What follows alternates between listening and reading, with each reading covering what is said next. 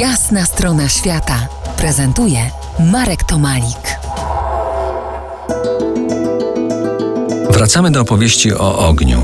W Australii pożary są stałym elementem gry natury.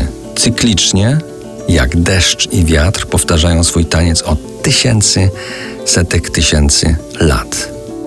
Mieszkańcy pustkowi znają ten rytm i trwają. Tam kwiaty rodzą się z ognia, ten zaś pozostaje dźwignią wegetacji roślin.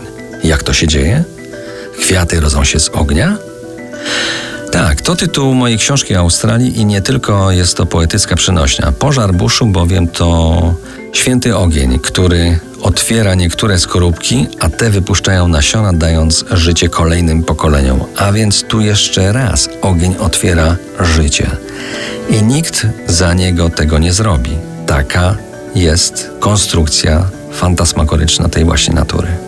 Panuje opinia, że za wzniecanie pożarów buszu odpowiedzialni są aborygeni, sukcesywnie wypalający burz przy nagonkach w trakcie polowań, czy też prewencyjnie wokół obozowisk, by zmniejszyć lub wyeliminować ryzyko nadejścia niszczycielskiego żywiołu.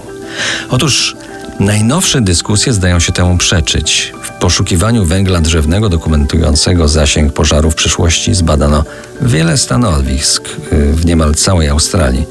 Ustalono, że najwięcej pożarów wystąpiło przynajmniej 30 tysięcy lat temu. Potem pojawiało się coraz rzadziej.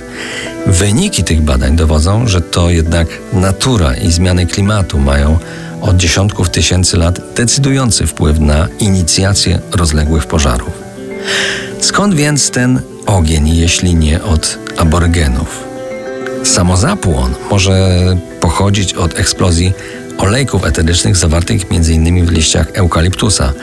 Są jednak bardziej spektakularne podpalenia. Pochodzą z nieba, od wyładowań atmosferycznych w czasie tzw. Tak suchych burz, kiedy nie pada deszcz. Jest wśród nich wirga, deszcz, który wyparowywuje, zanim osiągnie powierzchnię Ziemi. Niska wilgotność jest kolejnym czynnikiem sprzyjającym spontanicznym zapłonom. Tu jednak sama wiedza nie wystarczy, bo jeśli czegokolwiek się boję stacjonując w bezludnym buszu, to właśnie pożaru. Od kiedy złapałem świadomość, jak funkcjonuje tam świat, nie mam paranoi w oczach, widząc blisko czy dalej smugi dymu. Raczej staram się zoptymalizować swoją sytuację, ocenić, czy pożar może mnie dosięgnąć i zapamiętać te miejsca na trasie już za plecami, gdzie pożar był, bo jak był, no to, no to nieprędko wróci. Myślę, że to właśnie ten respekt budzi we mnie takie oczarowanie ogniem. Mam nadzieję, że rozświetliłem trochę temat a na kolejne spotkanie po jasnej stronie świata zapraszam ogniście już za niecały tydzień. To była jasna strona świata w RMF Classic.